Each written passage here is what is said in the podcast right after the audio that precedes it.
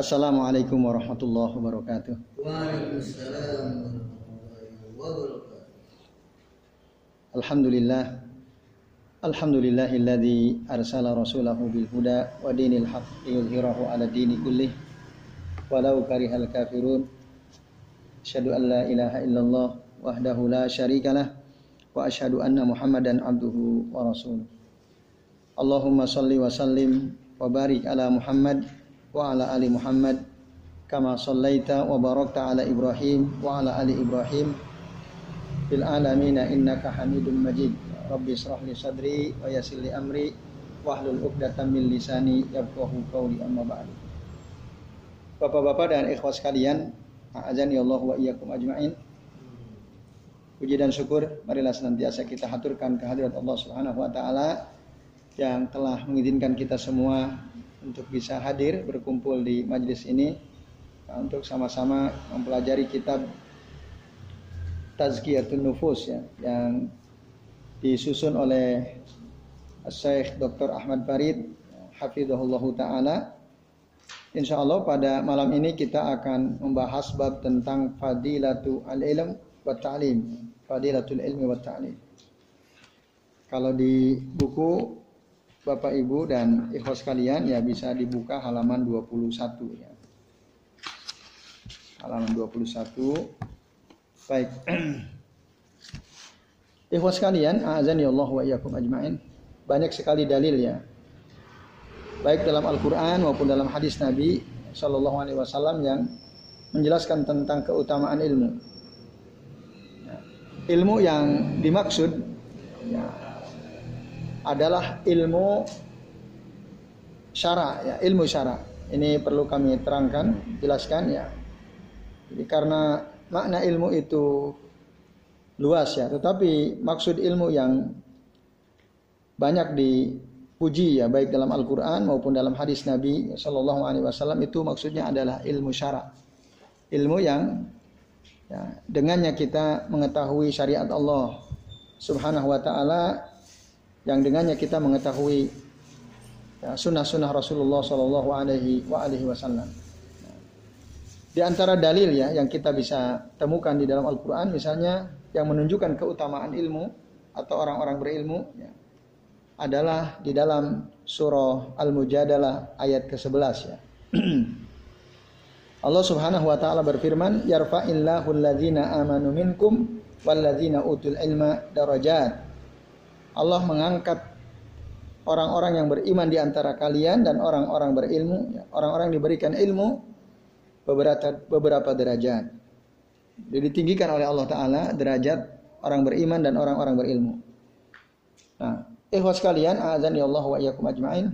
Kalau kita buka tafsir al-Muyassar misalnya diterangkan, jadi yang dimaksud yarfa'illahu alladzina amanu minkum walladzina utul ilma darajat adalah ya, kata beliau yarfa'illahu makanatal mu'minin al mukhlisin minkum.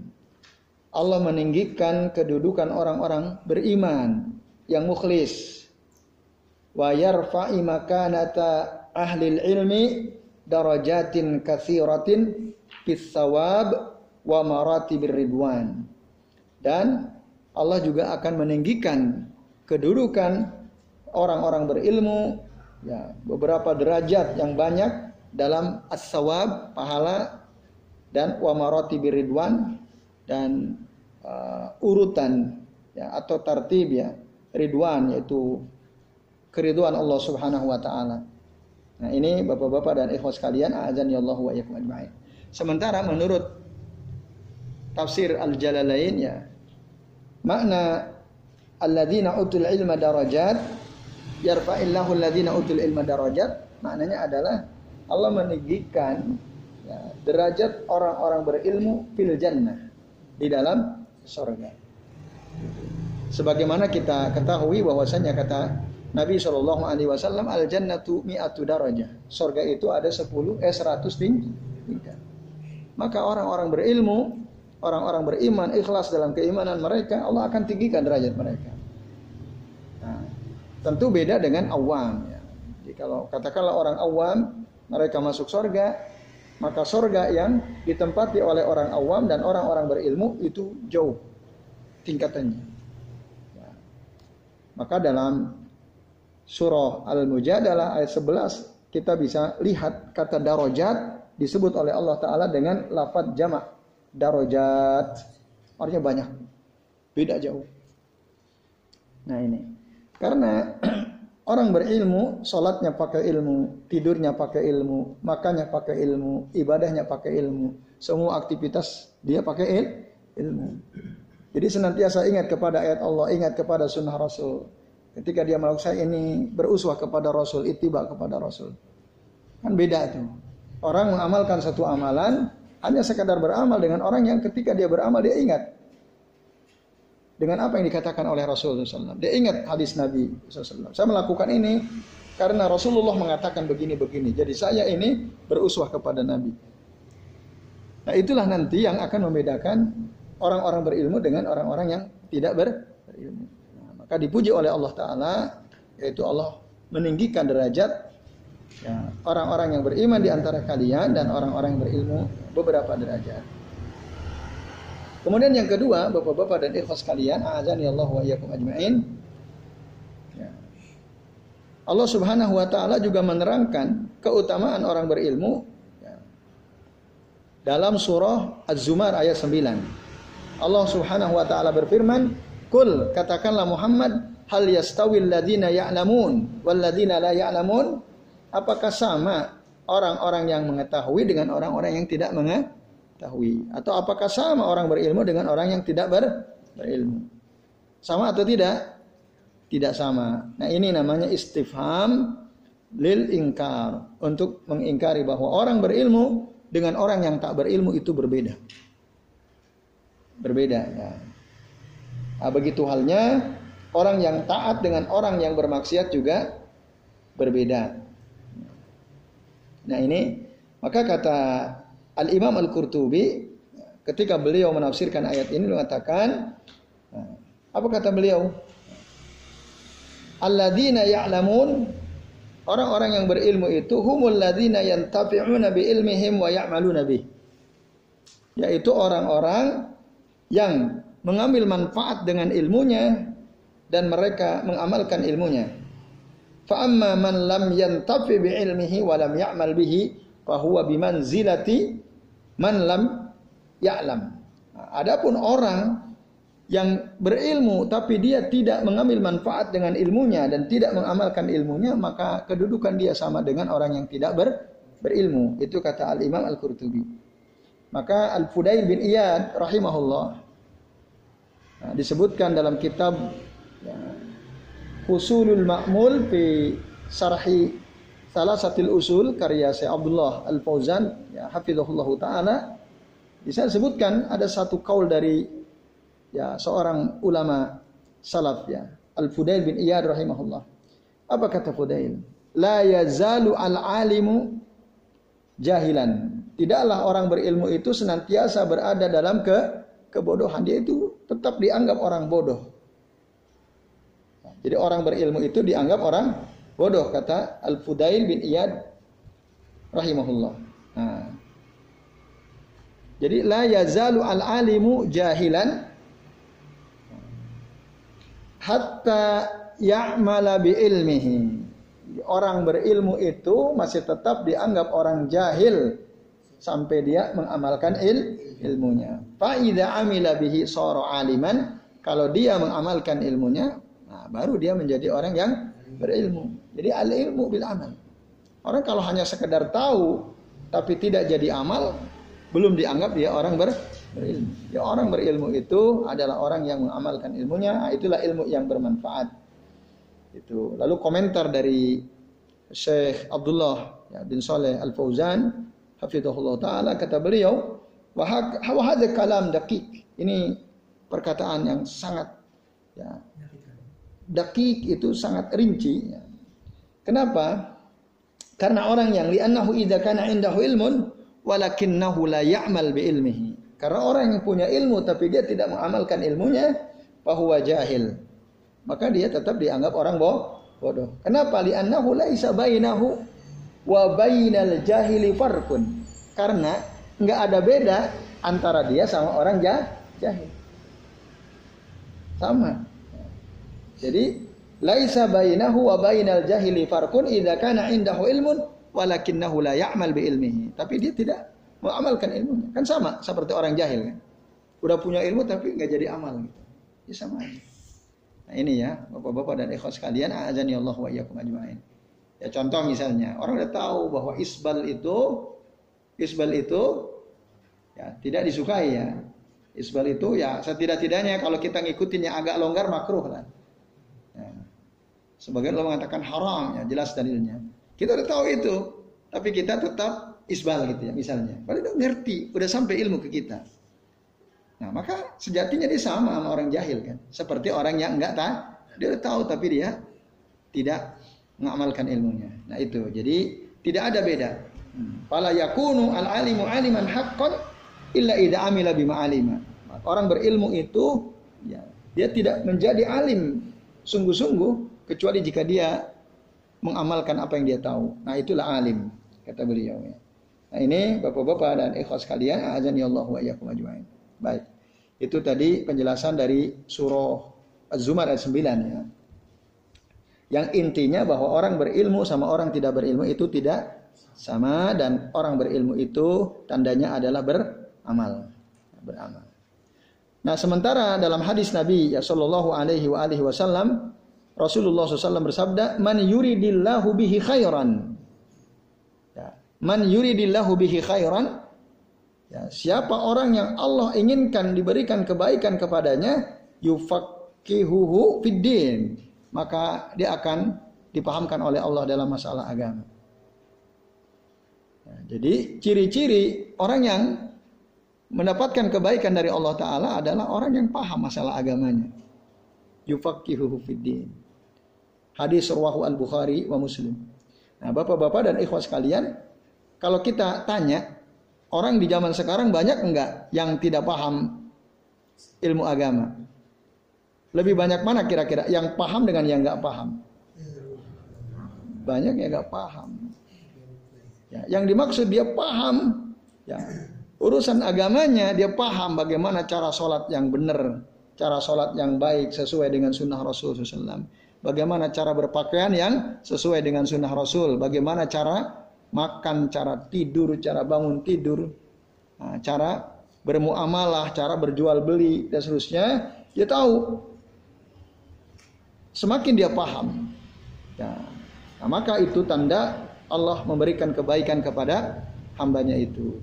Man yuridillahu bihi khairan yufaqihuhu fiddin. Nah, ini menunjukkan bahwa ilmu itu ya, memiliki keuta, keutamaan. Karena orang berilmu yang paham tentang urusan agama dia, berarti Allah memberikan kebaikan kepada orang tersebut. Nah, orang yang diberikan kebaikan oleh Allah Ta'ala, kira-kira baik atau tidak baik? Oh, jelas baik. Itu. Nah, ini Kemudian dalam hadis yang lain Rasulullah SAW bersabda ya kata beliau man salaka tariqan yaltamisu fihi ilman sahallallahu lahu bihi tariqan ilal jannah. Hadis akhrajahu Muslim. Barang siapa yang berjalan ya, pada jalan itu dia mencari ilmu maka Allah akan mudahkan baginya dengan ya perjalanan yang dia lakukan tersebut jalan menuju sor surga. Jadi orang yang dia melakukan perjalanan untuk mencari ilmu, Allah akan memudahkan baginya jalan menuju surga. Hadis sahih akhrajahu Muslim. Nah ini ya bapak-bapak dan ikhwas sekalian. Nah kata Syekh Ahmad Farid, sulukut torik. Suluk at-torik lil timasil ilm itu ada dua, ada dua macam. Ada dua macam kata beliau. Yang pertama at-tariq al-hakiki, ya. Yang kedua at-tariq al-ma'nawi. Apa yang dikatakan oleh Nabi tadi? Man salaka tariqan yaltamisu fihi ilman. Barang siapa yang berjalan, menempuh jalan untuk mencari ilmu. Nah, yang dimaksud salaka tariqan di sini, tariq yang dimaksud di sini itu ada dua maknanya. Ada at-tariq al-hakiki, ada at-tariq al-maknawi. Apa bedanya? At-tariq al-hakiki itu adalah Ya, seseorang yang dia keluar dari rumahnya berjalan dengan menggunakan kakinya ya, atau bisa naik motor, naik sepeda lah gitu ya, naik mobil misalnya.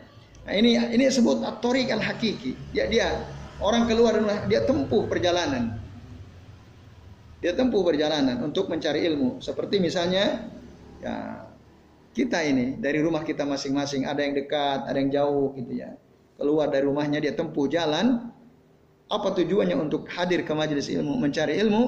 Nah, itu yang disebut at-tariq al-hakiki. Dia menempuh jalan. Maka siapa saja yang keluar dari rumahnya, dia tempuh jalan untuk mencari ilmu, orang yang seperti itu oleh Allah taala akan dimudahkan jalannya menuju surga. Amin ya rabbal alamin ya. Semoga kita semua termasuk hamba-hamba yang oleh Allah dimudahkan jalannya ke surga. Nah, kemudian yang kedua adalah at-tariq al-ma'nawi. Apa at-tariq al-ma'nawi yang dimaksud? Kata saya Ahmad Farid, yakni at-tariq ay at-turuq al-muaddiyah ila husulil ilm mislu hifdhihi wa mudarasatihi. Yang kedua, at-tariq al-ma'nawi artinya adalah cara ya. Yang dengan cara tersebut kita bisa mendapatkan ilmu. Ini namanya at-tariq al-ma'nawi. At-tariq al-ma'nawi sahih. At-tariq al-hakiki kan kita keluar tuh, jalan.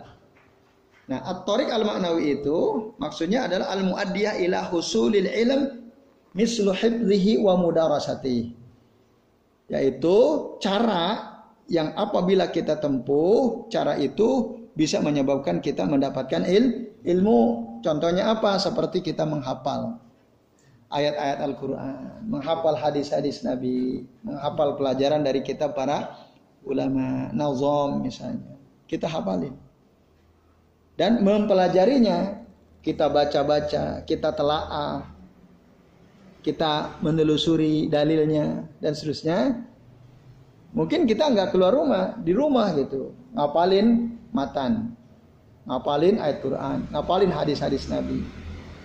Nah, terus kita pahami, kita pelajari, kita buka kitab-kitab lain. Nah, itu termasuk ya, juga at-torik, tapi at-torik al-maknawi. Dan dengan itu juga bisa menyebabkan Allah akan mempermudah baginya jalan menuju surga. Nah ini artinya kalau dia udah mempelajari hadis-hadis Nabi, mempelajari Al-Quran, dia buka tafsir ini, dia buka tafsir itu, buka lagi tafsir yang lain, semakin dia paham, oh maksudnya seperti ini ayat ini. Dapatlah dia ilmu. Nah, dengan ilmu itu menjadi amal. Nah, dengan amalnya lah Allah akan mempermudah dia menuju surga. Nah, itu Bapak-bapak dan ikhwas sekalian, ya Allah wa iyyakum ajmain ya. Jadi at-tariq tadi ada dua. Yang pertama apa? At-tariq al-hakiki, yang kedua at-tariq al-maknawi. Bisa bedakan tadi ya? Ya. Nah, nonton YouTube bisa termasuk at-tariq al-ma'nawi. Ya, dengan begitu kan kita dapat ilmu ya. Kita nonton ada ustadz menyampaikan ilmu, lalu kita mendengarkan dengan baik-baik seksama ya. Nah, maka tentu itu juga termasuk ya, termasuk. Nah, ini Bapak-bapak dan ikhwas sekalian, azani Allah wa ajmain. Hanya saja jangan gara-gara bisa dapat ilmu lewat YouTube akhirnya malas datang ke majelis il, ilmu. Nah, jangan sampai seperti itu. Itu alternatif, alternatif. Nah, karena apa? Keberkahannya ber, berbeda ya. Orang yang ya belajar ilmu lewat YouTube dengan orang yang datang ke majelis ilmu tentu ber, berbeda dari sisi keberkahan gitu. Walaupun itu salah satu cara untuk mendapatkan il, ilmu. Baik. Bapak-bapak dan ibu sekalian, azani Allah wa iyyakum ajma'in. Nah, kemudian wa qauluhu sallallahu alaihi wasallam dan ya, sabda Nabi sallallahu alaihi wasallam sahalallahu lahu bihi tariqan ila jannah itu apa maksudnya? Nah, kata Syekh Ahmad Farid ya hafizahullah taala kata beliau qad yuradu bidzalika anna Allah yusahilu lahu al-ilm alladhi talabahu. Yang dimaksud dengan kalimat tersebut adalah bisa jadi artinya adalah Allah akan memudahkan bagi seseorang ya, untuk mendapatkan ilmu yang dia cari. Gitu. Jadi kalau ada orang keluar dari rumahnya, dia cari ilmu, Allah akan mudahkan dia untuk mendapatkan ilmu. Dia niat gitu ya Allah saya ingin dapat ilmu. Keluar dia dari rumahnya, berjalan dia, nah Allah akan mudahkan. Orang-orang niat betul ya mendapatkan ilmu Allah akan mudahkan. Jadi gampang dia paham gitu ya. Kalau memang dia niat dari rumah saya keluar untuk tolabul ilm. Bisa jadi artinya adalah itu kata Syekh Ahmad Farid.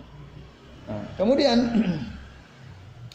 wasalaka tariqahu wa yuyassiruhu alaihi. Nah, Allah akan mudahkan juga dia berjalan ya menempuh jalan itu dan Allah akan mudahkan kepadanya. Karena apa? Karena ilmu itu sendiri adalah jalan untuk sampai kepada surga. Fa innal ilma tariqun ya, yuwassilu ilal jannah. Karena ilmu itu adalah jalan yang bisa menghantarkan kita kepada surga. Sampai-sampai ada kaul dari ulama salafnya. Kaulu ba'di salaf kata mereka hal min talibi ilmin payu'an. Nah, jadi orang yang mencari ilmu itu pasti ditolong oleh Allah taala. Pasti ditolong oleh Allah taala. Nah, orang yang mencari ilmu pasti ditolong oleh Allah Subhanahu wa taala. Bahkan orang yang membantu orang yang mencari ilmu itu juga akan ditolong oleh Allah taala. Diceritakan ya, dalam satu riwayat yang sahih Ya. Jadi dalam kitab Kosos Al-Anbiya ya, kalau tidak keliru, kami baca di kitab itu. Jadi ada dua bersaudara, yang satu ya dia kerja cari maisha, sementara yang satu lagi dia rajin datang ke majlisnya Rasul Shallallahu Alaihi Wasallam.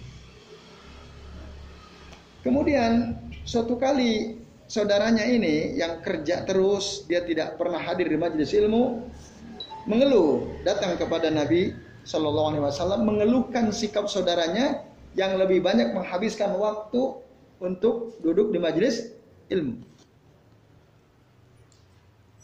Nah, lalu apa kata Nabi ketika Nabi mendengar keluhan ya, saudaranya ini? Nah, kata Nabi apa? Bisa jadi innama ya, turzaku sesungguhnya engkau diberi rezeki itu bisa jadi karena dia. Allah kasih rezeki kepadamu bisa jadi karena saudaramu yang sering hadir di majelis ilmu. Nah, maka di antara kesimpulan pentingnya adalah nah, orang yang membantu ya, para pencari ilmu memudahkan urusan mereka termasuk ini menyediakan snack, minuman. Ini kan bagian dari menolong para pencari ilmu kan. Nah, itu Allah akan mudahkan rezekinya. Nah, itu kalau kita ambil kesimpulan ya dari hadis Nabi tentang dua orang bersaudara tadi. Innama turzaku bihi ya. Sesungguhnya bisa jadi engkau diberi rezeki oleh Allah Ta'ala sebabkan karena saudaramu itu yang sering hadir ke majelis ilmu. Nah itu. Jadi ilmu itu memang tadi bisa mendatangkan pertolongan Allah taala. Hal min talibin min talibi ilmin fayu'anu fayu'anu alaihi. Nah, itu. Nah, Bapak-bapak dan ikhwas sekalian, azani Allah wa iyyakum ajmain, atau juga bisa jadi makna sahallallahu lahu bihi tariqan ilal jannah adalah ya, Allah akan mudahkan kepada dia untuk dia jalan ke sorga kelak nanti pada hari kiamat. Untuk sampai ke sorga itu kan harus berjalan tuh di padang mahsyar, dihisab, ditimbang, lalu jalan ke haudnya Rasul Shallallahu Alaihi Wasallam, lalu jalan lagi menyeberangi si sirat, nanti ada kontoro. Setelah sirat ada kontoro, baru nanti sorga. Nah itu. Maka orang-orang yang keluar dari rumahnya mencari ilmu, dia akan dimudahkan oleh Allah Ta'ala jalan ke surga. Kelak nanti pada hari kiamat, ketika dia dikumpulkan di padang mahsyar, lalu ditimbang, lalu dihisab, itu Allah akan permudah. Ketika jalan menuju haudnya Rasulullah SAW akan dipermudah. Karena apa? Dia berilmu. Gitu. Dia berusaha mencari ilmu yang sesuai dengan sunnah Rasulullah SAW. Karena apa? Tidak semua umat Nabi mengalami kemudahan ketika dia nanti di akhiratnya. Bahkan mulai dari alam kubur itu saja udah ada seleksi itu. Udah diseleksi itu. Sampai-sampai mengatakan innal qabra awwalu manazilil akhirah. Sesungguhnya kuburan itu adalah tempat mampir pertama negeri akhirat. Paman naja minhu barang siapa yang selamat di alam kubur pama ba'dahu aisar. Nah, maka kehidupan setelahnya lebih mudah. Di orang berilmu itu artinya apa? Berarti nanti kelak dia di alam kuburnya pun dipermudah oleh Allah taala. Ketika ada pertanyaan munkar wa nakir. Karena dia tahu ilmunya. Nah ini ya, maka nanti perlu tuh pelajari ma'rifatullah, ma'rifatul rasul, ma'rifatul din itu ya. Karena itu yang ditanya nanti kalau. Maka ada kitab Al-Usul As-Salasa itu ya. Itu terinspirasi dari hadis Nabi tentang tiga pertanyaan yang akan diajukan kepada setiap orang di alam kuburnya. Tapi ada yang tidak juga selamat. Maka waman lam yanju barang siapa yang tidak selamat di alam kuburnya, pama ba'dahu asyaddu. Maka kehidupan setelah itu lebih susah.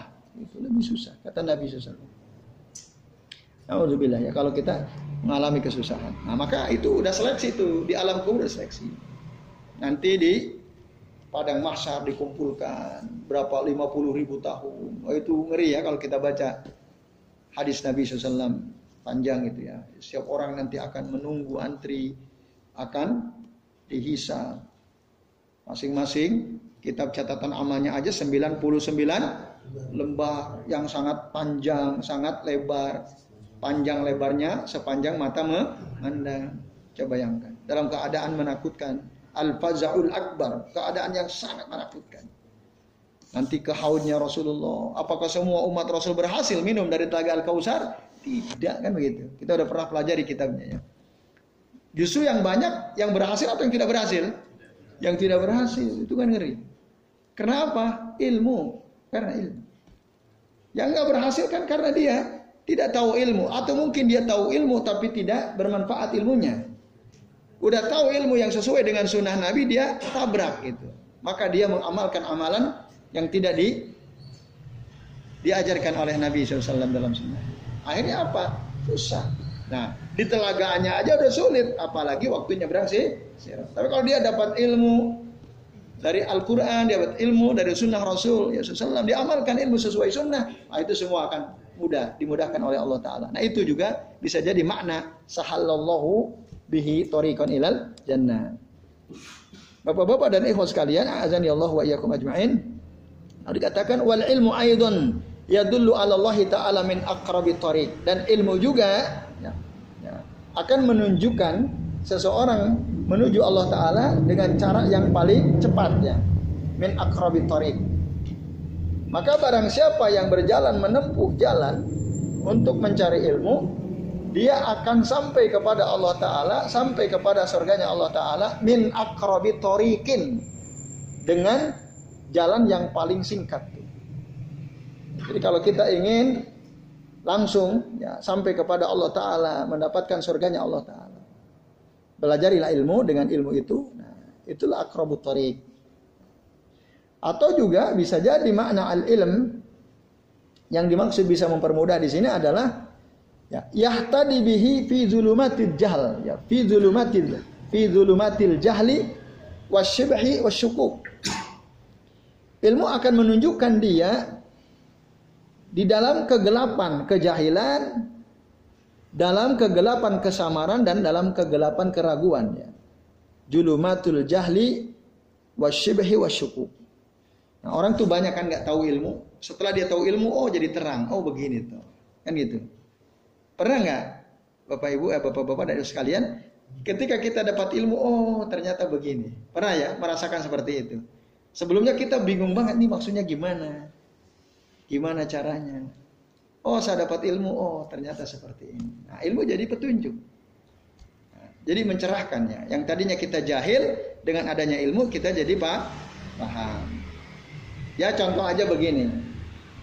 Ada orang dulu dia bingung ketika ketemu temannya, kata temannya begini. Eh, ente, janganlah selalu ya mengkafir-kafirkan menyebut orang lain kafir. Maksud mengkafir-kafirin orang kafir. Karena bisa jadi bisa jadi ente itu lebih kafir daripada orang kafir. Bisa jadi ente lebih kafir daripada orang kafir. Nah ini bagi orang yang nggak tahu ilmu kan bingung. Uh, kok piye maksudnya? Kita orang beriman bisa jadi lebih kafir daripada orang kafir kata dia. Logikanya gimana?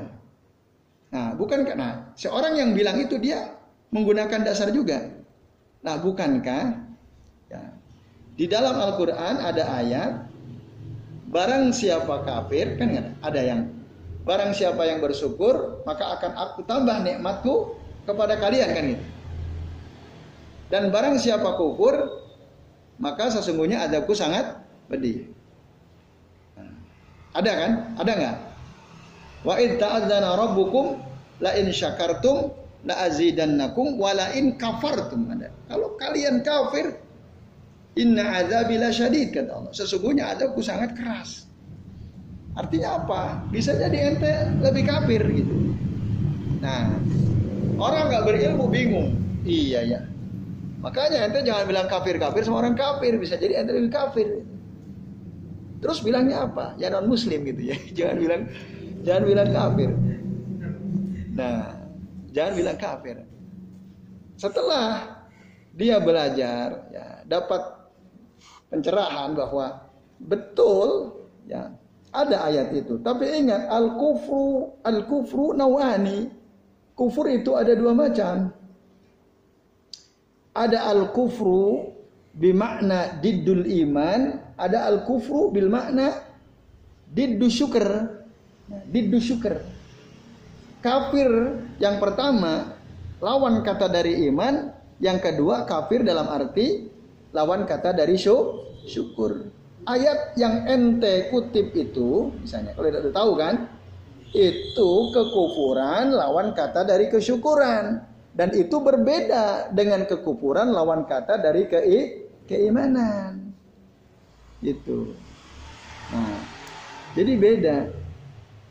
Gimana tuh dalam surah Al-Baqarah ayat 6? Di situ ada kalimat kafir. Innal ladzina kafaru sawaun alaihim a andartahum am lam tunzirhum la yu'minun. Ini beda kata kafir dalam Al-Baqarah ayat 6 dengan kata kafir dalam surah apa tadi? La, la wa rabbukum. Surah Ibrahim ya. Ah, ayat 7. Itu beda. Kalau ente ditanya mana lebih bahaya al kufru diddu syukur atau al kufru didul iman. Nah, kafir lawan kufur lawan kata syukur atau kufur lawan kata iman. Itu lebih bahaya mana? Yang pertama atau yang kedua? Yang kedua. Ah, iya kan? Lah, lah, saya ulangi ya al kufru diddu syukur dengan al kufru didul iman lebih bahaya mana? Yang pertama atau kedua? Kedua ya. Kufur lawan kata dari iman itu lebih berbahaya daripada kufur lawan kata dari syukur. Orang yang kufur dalam arti tidak bersyukur, dia masih ada kemungkinan masuk surga. Tapi orang yang kufur ya lawan kata dari iman artinya dia tidak beriman, ada enggak kemungkinan dia masuk surga? Ya tidak. Maka keliru ente gitu. Kan kita jadi tahu setelah kita baca gitu ya penjelasan para ulama bahwa ya orang kafir yang dalam arti tidak beriman bukan orang Islam itu jelas lebih berbahaya gitu. Lebih buruk keadaannya daripada orang beriman yang kufur karena tidak ber syukur gitu. Nah ini ya ikhlas kalian, azan ya Allah wa iyyakum ajmain. Nah itu ya penting ya kita pahami itu sebagaimana itu diterangkan oleh Al Imam Al Qurtubi dalam tafsir beliau. Baik. Nah ini jadi ilmu itu dia bisa memberikan petunjuk kepada kita ya, ketika kita berada dalam kegelapan kebodohan atau kesamaran atau keraguan. Dengan ilmulah ya kegelapan itu jadi hilang.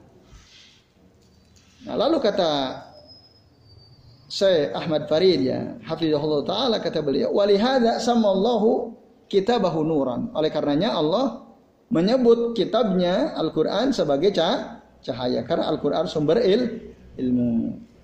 Dan dalam hadis ya, As-Sahihain Al-Bukhari wa Muslim maksudnya ada hadis dari Abdullah bin Amr bin, bin Umar ya. Wa anin Nabi sallallahu alaihi wasallam dari Nabi sallallahu alaihi wasallam annahu qala bahwasanya Nabi bersabda Nabi Shallallahu Alaihi Wasallam bersabda, Inna Allah la yakbidul ilma intizaan yantazi'uhu min sudurin nas. Sesungguhnya Allah Ta'ala tidak mencabut ilmu langsung dicabut dari dada-dada manu, manusia. Tidak begitu. Walakin yakbiduhu biqabdil ulama. Akan tetapi Allah mencabut ilmu itu dengan cara mewafatkan para ulama, orang-orang berilmu. Fa idza lam yabqa alimun. Jika tidak ada lagi orang berilmu, maksudnya berilmu ilmu syariatnya. Ittakhadhan nasu ru'usa juhala. Nanti orang-orang akhirnya akan menjadikan ya para pemimpin mereka dari orang-orang jahil. Pasuilu lalu orang-orang jahil yang diangkat jadi ya pemimpin mereka itu ditanya fa'abtau bi ghairi ilmin lalu akhirnya mereka berfatwa tanpa ilmu fadallu wa adallu. Mereka sesat dan mereka pun menyesat menyesatkan orang. Nah, sekarang sudah banyak orang sebenarnya dia nggak berilmu gitu ya. Ditanya tapi dia berani berfatwa gitu ya. Akhirnya dia sesat dan menyesatkan. Jadi dia jawabnya tidak berdasarkan kembali kepada Al-Quran dan tidak kembali kepada hadis Nabi Shallallahu Alaihi Wasallam.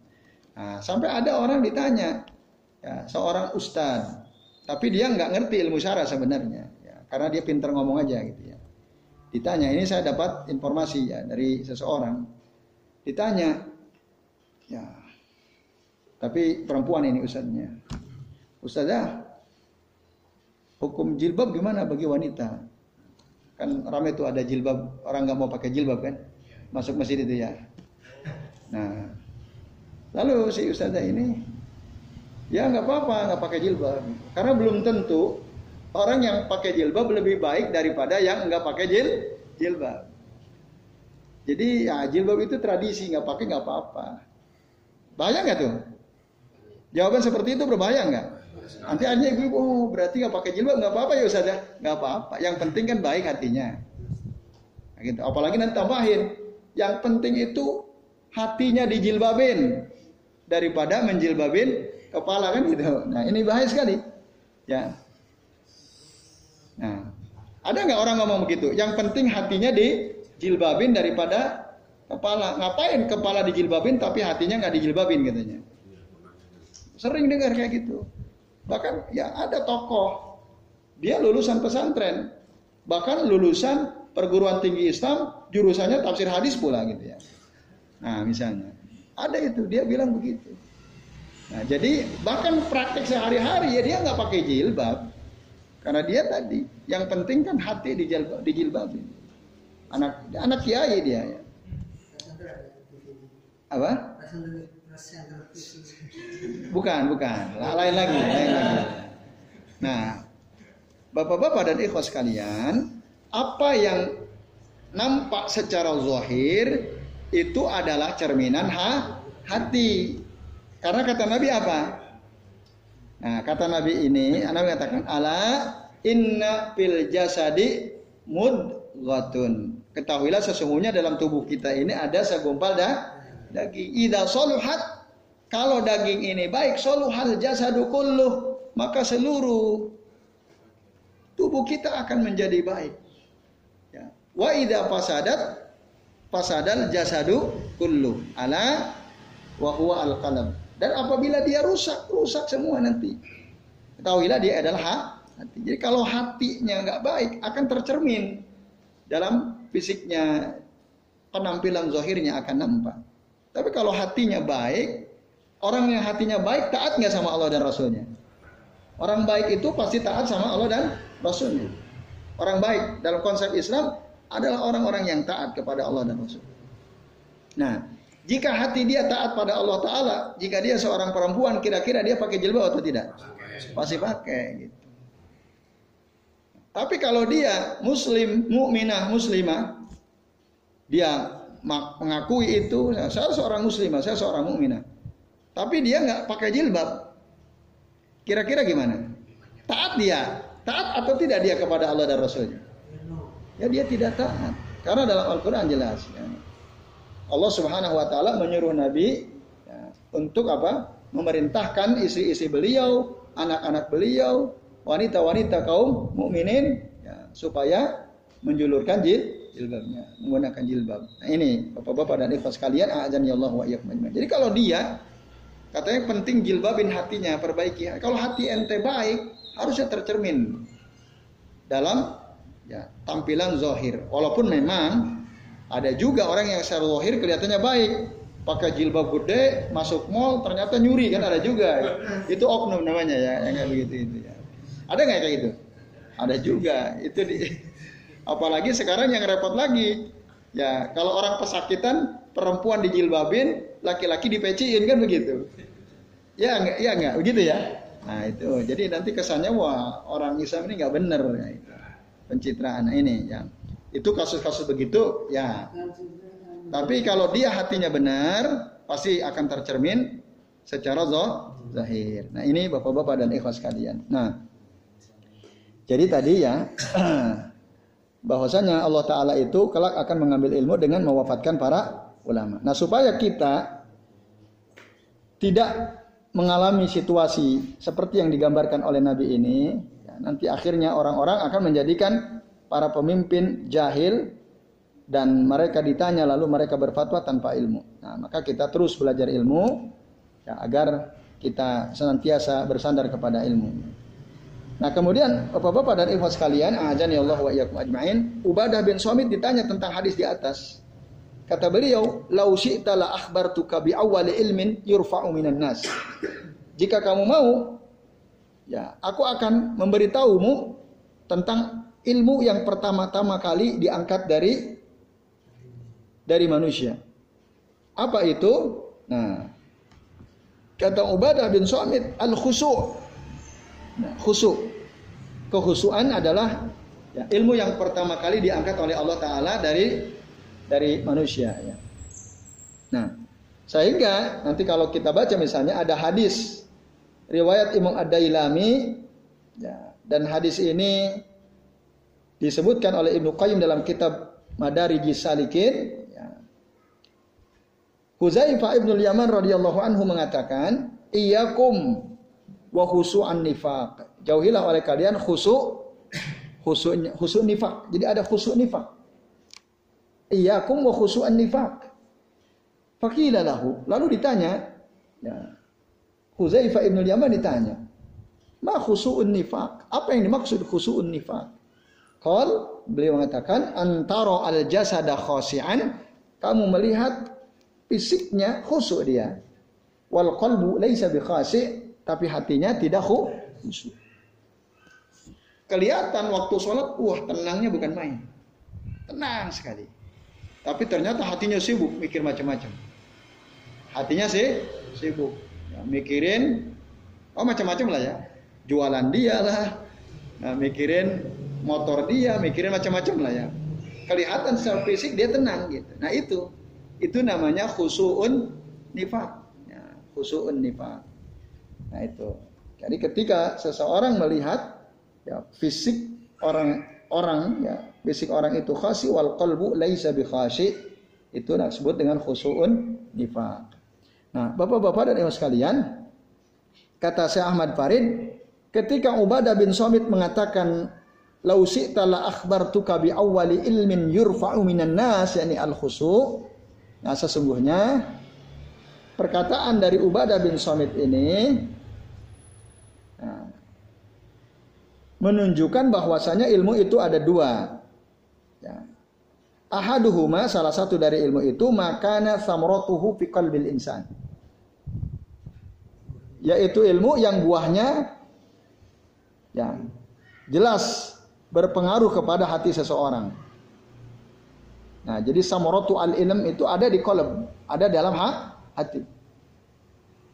Wa huwa al ilmu billahi ta'ala wa asma'ihi wa sifatihi wa af'alihi wal muqtada li khasyatihi wa mahabatihi wa ijlalihi wa mahabbatihi mahabatihi wa ijlalihi wa mahabbatihi wa rajaihi wa tawakkulu alaihi.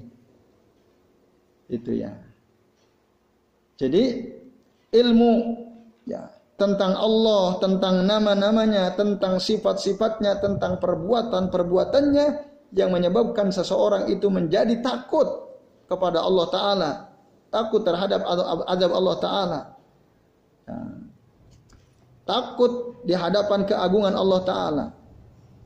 Lalu muncul kecintaan dia kepada Allah Taala, harapnya hanya kepada Allah Taala, sandarannya juga hanya kepada Allah Subhanahu Wa Taala. Itu semua min amalil qulub, amalan-amalan hati.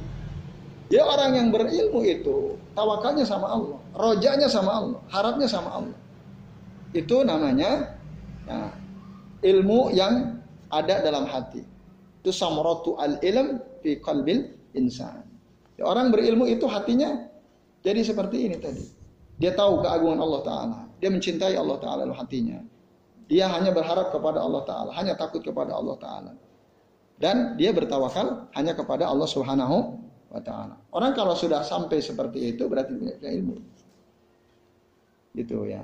Bapak-bapak dan ikhwas sekalian, azan ya Allah wa iyyakum Nah, ya. Contoh gampangnya gini lah. Beda respon orang tak berilmu dengan orang yang berilmu. Yang ilmu itu sudah menetap dalam hatinya. Ketika ada musibah mengenai dirinya. Responnya akan berbeda. Katakanlah A, B sama-sama kehilangan motor. Ya, satu yang satu berilmu, satu tidak berilmu. Nah, kira-kira orang yang tidak berilmu kehilangan motor apa reaksi dia? Wah, mungkin dia misu-misu, marah-marah, stres. Ini kredit belum lunas sudah diambil orang. Ya kan? Marah dia. Mungkin bisa jadi, wah daripada stres mikirin hutang banyak, udah bunuh diri aja lah misalnya. Karena dia punya ilmu gitu ya. Tapi orang berilmu tidak begitu. Nah dia ngerti. Nah, ma asobat min musibatinnya ma asaba min musibatin fil ardi wala fi anfusikum illa fi kitabin min qabli an nabraha. Dia ingat itu ilmu Allah. Tidaklah ada satu musibah. Ma asaba min musibatin fil ardi. Tidaklah ada satu musibah yang terjadi di muka bumi ini. Wala fi anfusikum atau yang menimpa diri kalian illa fi kitabin kecuali sudah tercatat di dalam kitab lahil mahfud min qabli an nabraha. Sebelum musibah itu terjadi, itu udah dicatat. Artinya sudah ada catatannya. Hilang motor kita hari ini, catatannya sudah ada apa belum? Udah ada. Memang ini adalah kehendak Allah. Ini takdir dari Allah. Padahal udah kita kunci. Dibongkar sama si pencuri itu, ya kuncinya sudah. Maka responnya gimana kira-kira? Kalau dia ngerti, semua itu terjadi sudah catat Allah Ta'ala. Ini ada kehendak Allah. Apa yang akan terjadi kira? Nah, gimana ayat lanjutannya? Gitu kan? Bima atau. Nah, yang supaya kami tidak begitu kecil hati kalau gagal dan tidak mendapatkan kebaikannya. Nah, baik. itu ya, itu contoh lah misalnya. Kalau kita udah ngerti ilmunya, kan nggak mungkin kita marah-marah, ngamuk-ngamuk. Nggak mungkin. Oh iya, ini takdir dari Allah. Maka apa yang kira-kira keluar dari lisannya? Inna lillahi wa inna ilaihi raji'un. Nah, sesungguhnya kita ini milik Allah dan hanya kepada Allah kembali. Terus apa lagi? Allahumma jurni fi musibati wa akhlif li khairan khairan minha. Ya Allah berikanlah pahala kepadaku dalam musibahku ini dan gantilah dengan yang lebih baik kan begitu. Mintanya sama siapa? Sama Allah. Udah dia tawakal sama Allah. Atau lalu dia mengucapkan apa lagi? Qadarullahu masya'afa'ana. Ini adalah takdir dari Allah Ta'ala. Apa yang Allah ingin, Allah Allah kehendaki pasti Allah akan lakukan itu. Ya sudah tenang saja. Nah itu. Apalagi Alhamdulillah ala kulli hal. Boleh juga. Alhamdulillah ala kulli hal. Segala puji Allah, bagaimanapun keadaannya, segala puji bagi Allah Subhanahu wa taala. Itu. Laku ente kecurian kecurian motorku alhamdulillah. Ya, ya segala puji bagi Allah dalam setiap keadaan. Nah ini ya bapak-bapak dan ibu sekalian, maka beda sekali responnya. Orang yang berilmu dengan orang yang tak berilmu. Nah itu itu yang maksud samuratu al ilm fi qalbil insan. Itu jadi hatinya itu udah menancap ilmu pada hati dia itu. Nah ini bapak-bapak dan ikhwas sekalian. Nah, itulah dia ilmu yang bermanfaat. Jadi khusyuk itu adalah ilmu dalam hati. Ilmu yang sudah menancap dalam hati. Sehingga dia bisa khusyuk. Nah itu yang diangkat pertama kali. Nah itu. Lalu Abdullah bin Mas'ud radhiyallahu anhu mengatakan, "Inna aqwaman" Sesungguhnya ada satu kaum yaqra'una al-Qur'an, mereka membaca Al-Qur'an la yujawizu taraqihim. Baca Al-Qur'an tapi tidak melampaui kerongkongannya. Jadi bacaannya hanya sampai sini, enggak masuk ke hati. Ada yang begitu itu. Baca Quran rajin. Baca Qurannya rajin. Tapi enggak masuk ke hati. Enggak jadi il, ilmu. Banyak enggak? Yang kayak gitu banyak atau tidak? Banyak. Bahkan udah disampaikan jauh-jauh hari ya. Inna aqwaman yaqra'una al-Qur'an la yujawizu tarakihim. Hadis akhrajahu al-Bukhari. Nah, Bapak-bapak dan ikhwas kalian, azani Allah wa iyyakum ajmain. Nah, tapi kalau ilmu itu sudah menancap dalam hati, ayat-ayat yang kita baca masuk ke dalam hati, sunnah Rasul ya, seselam masuk ke dalam hati, parosako fihi, nafaat. Menancap maka itulah ilmu yang bermanfaat. Sehingga Hasan Al Basri rahimahullah mengatakan al ilmu ilmani kata beliau. Ilmu itu ada dua ada dua macam. Ilmun alal lisan pada hujjatun ala ibni Adam. Ilmu yang adanya di lisan, nah itu kelak menjadi hujah atas manusia ya. Hujah yang bisa apa? mencelakakan dia. Jadi ilmu yang hanya ada di lisan, tidak jadi amal, itu akan justru membinasakan di dia. Hujjatun ala ibni Adam. Kama qala Nabi fil hadis sahih akhrajahu Muslim. Kata Nabi apa? Al-Qur'anu hujjatun laka au alaika. Al-Qur'an itu bisa jadi hujjah yang akan membela dirimu atau justru yang akan membina membinasakan dirimu. Quran kita baca tapi kita tidak amalkan. Itu akan membinasakan. Quran kita baca dan kita amalkan itu akan jadi pem, pembela. Nah, itu. Itu yang yang pertama ya ilmun ala lisan. Jadi ada orang dia dapat ilmu, pinter dia lisannya ngomong, ya, karena dia dapat banyak informasi, pengetahuan gitu ya. Tapi hanya sekedar di lisan, tidak jadi amal, itu akan jadi hujatun alaih. Justru akan menghancurkan dia. Ya. Yang kedua wa ilmun fil qalb, ilmu yang menancap dalam hati. Fadzaka ilmun nafi. Fadzaka al ilmun nafi. Itulah dia ilmu yang bermanfaat kata Hasan Al Basri. Nah, jadi semoga ilmu yang kita pelajari, ikhwas kalian ya, baik dari Al Quran, dari sunnah-sunnah Rasulullah SAW, bisa masuk ke dalam hati kita dan bisa mendorong kita untuk mengamalkan ilmu tersebut.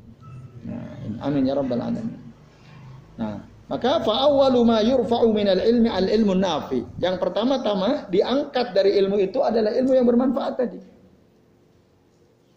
Orang itu nanti banyak punya pengetahuan, punya ilmu, tapi ilmunya nggak masuk ke hati. Itu yang diangkat pertama kali.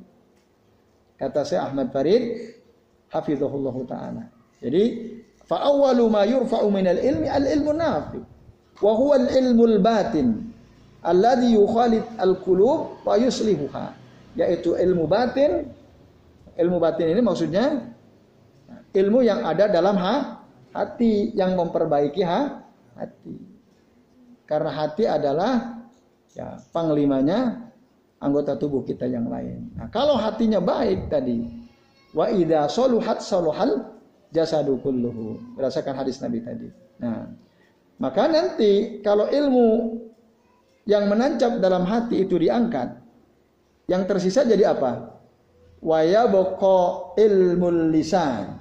Yang tersisa hanya ilmu di lisan saja payatahawanu Ya, fayatahawanun nasu bihi. Yatahawan. Yatahawan itu menganggap remeh. Orang-orang menganggap remeh ilmu ya. Tidak jadi amal maksudnya, hanya ada di lisan wala ya'malun bimuqtadahu dan mereka tidak mengamalkan tuntutan ilmu itu. Nah, ini ya ikhwas sekalian, a'azani Allah wa iyyakum ajmain. Kemudian nanti akhirnya ilmu itu jadi hilang. Ya, ilmu jadi hi, hilang. Nah, hilang pula nanti orang-orang berilmu ya. Summa yadhhabu hadzal ilm bidhahabi hamalatihi dengan wafatnya orang-orang yang berilmu yang ilmunya masuk ke dalam hati watakumu asaatu ala siraril khalaq dan nanti kiamat akan terjadi ya, ketika ya yang hidup kala itu adalah manusia-manusia terburuk manusia-manusia paling bu, buruk.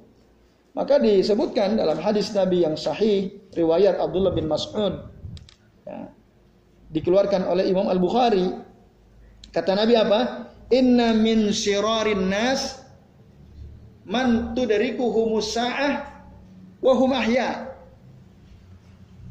Sesungguhnya seburuk-buruk manusia itu adalah orang yang tudriku tudriku humusa'ah wa hum ahya. Ketika datang kiamat mereka masih hidup. Itulah seburuk-buruk manusia. Ketika datang kiamat mereka masih hidup. Itu yang pertama. Yang kedua, wa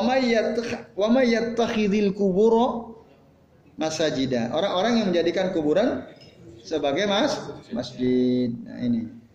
Nah, Bapak-bapak dan ikhwas sekalian, azan ya Allah wa iyyakum ajmain. Ya. Kenapa orang yang paling buruk adalah orang yang ketika kiamat terjadi mereka masih hidup. Nah, karena waktu itu ilmu sudah nggak ada, ilmu yang menancap dalam hati udah nggak ada. Allah wafatkan semua orang-orang baik. Allah wafatkan semua orang-orang yang beramal dengan ilmunya, orang-orang soleh. Allah wafatkan seluruhnya mereka. Sehingga yang tersisa itu adalah sirarul khalaq. Nah ini. Maka ketika terjadi matahari terbit dari barat, lalu munculnya hewan yang bisa ngomong, lalu apalagi Dajjal dan seterusnya gitu ya. Atau setelah itu ya. Kalau waktu Dajjal masih ada orang-orang baik. Ya. Masih ada orang-orang baik. Setelah dikalahkan oleh Nabiullah Isa alaihissalam, ya Ya'juj Ma'juj juga masih ada. Asa itu, nah, terus tanda-tanda besar hari kiamat muncul, itu sudah sisanya orang-orang buruk semua. Karena ya waktu itu nanti orang-orang baik akan meninggal terkena angin sepoi-sepoi ya. Setiap orang kena angin itu akan diwafatkan oleh Allah Subhanahu wa taala. Nah, kemudian kata Aisyah radhiyallahu anha dalam hadis riwayat Imam Muslim jadi pada hari kiamat itu nanti ketika sudah dekat ke kiamat la yadhhabu al-lailu wan naharu hatta tu'badal lata wal uzza. Ya, tidaklah pergi malam dan siang maksudnya berjalannya waktu sampai nanti patung-patung lata uzza itu kembali disembah nanti. Disembah oleh orang-orang. Jadi mereka tidak menyembah Allah tetapi menyembah berhala. Nah, nanti orang-orang baik wayab asullahu rihan thayyibah fatawaffa kullaman fi qalbihi misqala habatin min khardalin min imanin fayabqa man la khaira fihi. Nah, nanti akan ada angin lembut ya. Wafatlah setiap orang yang kena angin yang di dalam hatinya ada nah ada iman meskipun hanya sebesar biji ya, biji sawi itu. Nanti yang tersisa adalah man la khaira fihi. Nah, orang-orang yang tidak ada sedikit pun kebaikan pada diri mereka, fayarji'una ila dini abaihim mereka kembali kepada agama nenek moyang mereka menyembah berhala. Nah, sampai kata Nabi dalam hadis Muslim, la taqumu as-sa'atu wa ala wajhil ardi ahadun yaqul Allah Allah. Tidak akan terjadi hari kiamat selama masih ada orang di atas muka bumi ini mengucapkan Allah Allah. Kalau masih ada orang mengucapkan Allah Allah itu kiamat tidak mungkin ter jadi, artinya ketika kiamat sudah dekat, ada nggak orang yang bilang Allah Subhanahu Ada nggak? Sudah nggak ada. Udah. Betul-betul ilmu sudah tidak ada. Ya. Bapak-bapak dan ikhwas sekalian, azan ya Allah wa iyyakum ajmain. Nah, di situlah terjadi kiamat. Maka inna min siraril khalqi man tudrikuhu musa'a wa hum wa hum ahya. Nah, Bapak-bapak dan ikhwas sekalian, azan ya Allah wa iyyakum ajmain. Ini dia ya penjelasan bab tentang keutamaan ilmu dan ta'lim ya al ilmu wa ta'lim. Nah, semoga dengan kita mempelajari bab ini kita semakin semangat untuk terus ya mempelajari ilmu-ilmu Allah, ilmu-ilmu yang diajarkan oleh Rasul sallallahu alaihi dalam sunnah-sunnah beliau ya. Uh, sehingga kita mendapatkan petunjuknya dan kita dipermudah jalan kita menuju surganya Allah Subhanahu wa taala. Amin ya rabbal alamin. Dan semoga kita dijauhkan dari golongan orang-orang yang ilmu hanya sampai pada lisannya tapi tidak masuk ke dalam ha hatinya yaitu golongan orang yang hanya pandai uh, baca Quran ya luas wawasan tapi amalnya kosong gitu ya. Berarti itu ilmunya tidak menancap dalam ha hati. La yatara la yatarasah. Ya la yatarasah fi qalbihi. Tidak menancap di dalam hatinya. Jadi saya kira ini yang bisa kami sampaikan ini jam setengah sepuluh ya lewat lima menit. Sebelum diakhiri barangkali ada yang mau bapak bapak dan ibu sekalian tanyakan silahkan. Ya silahkan Pak.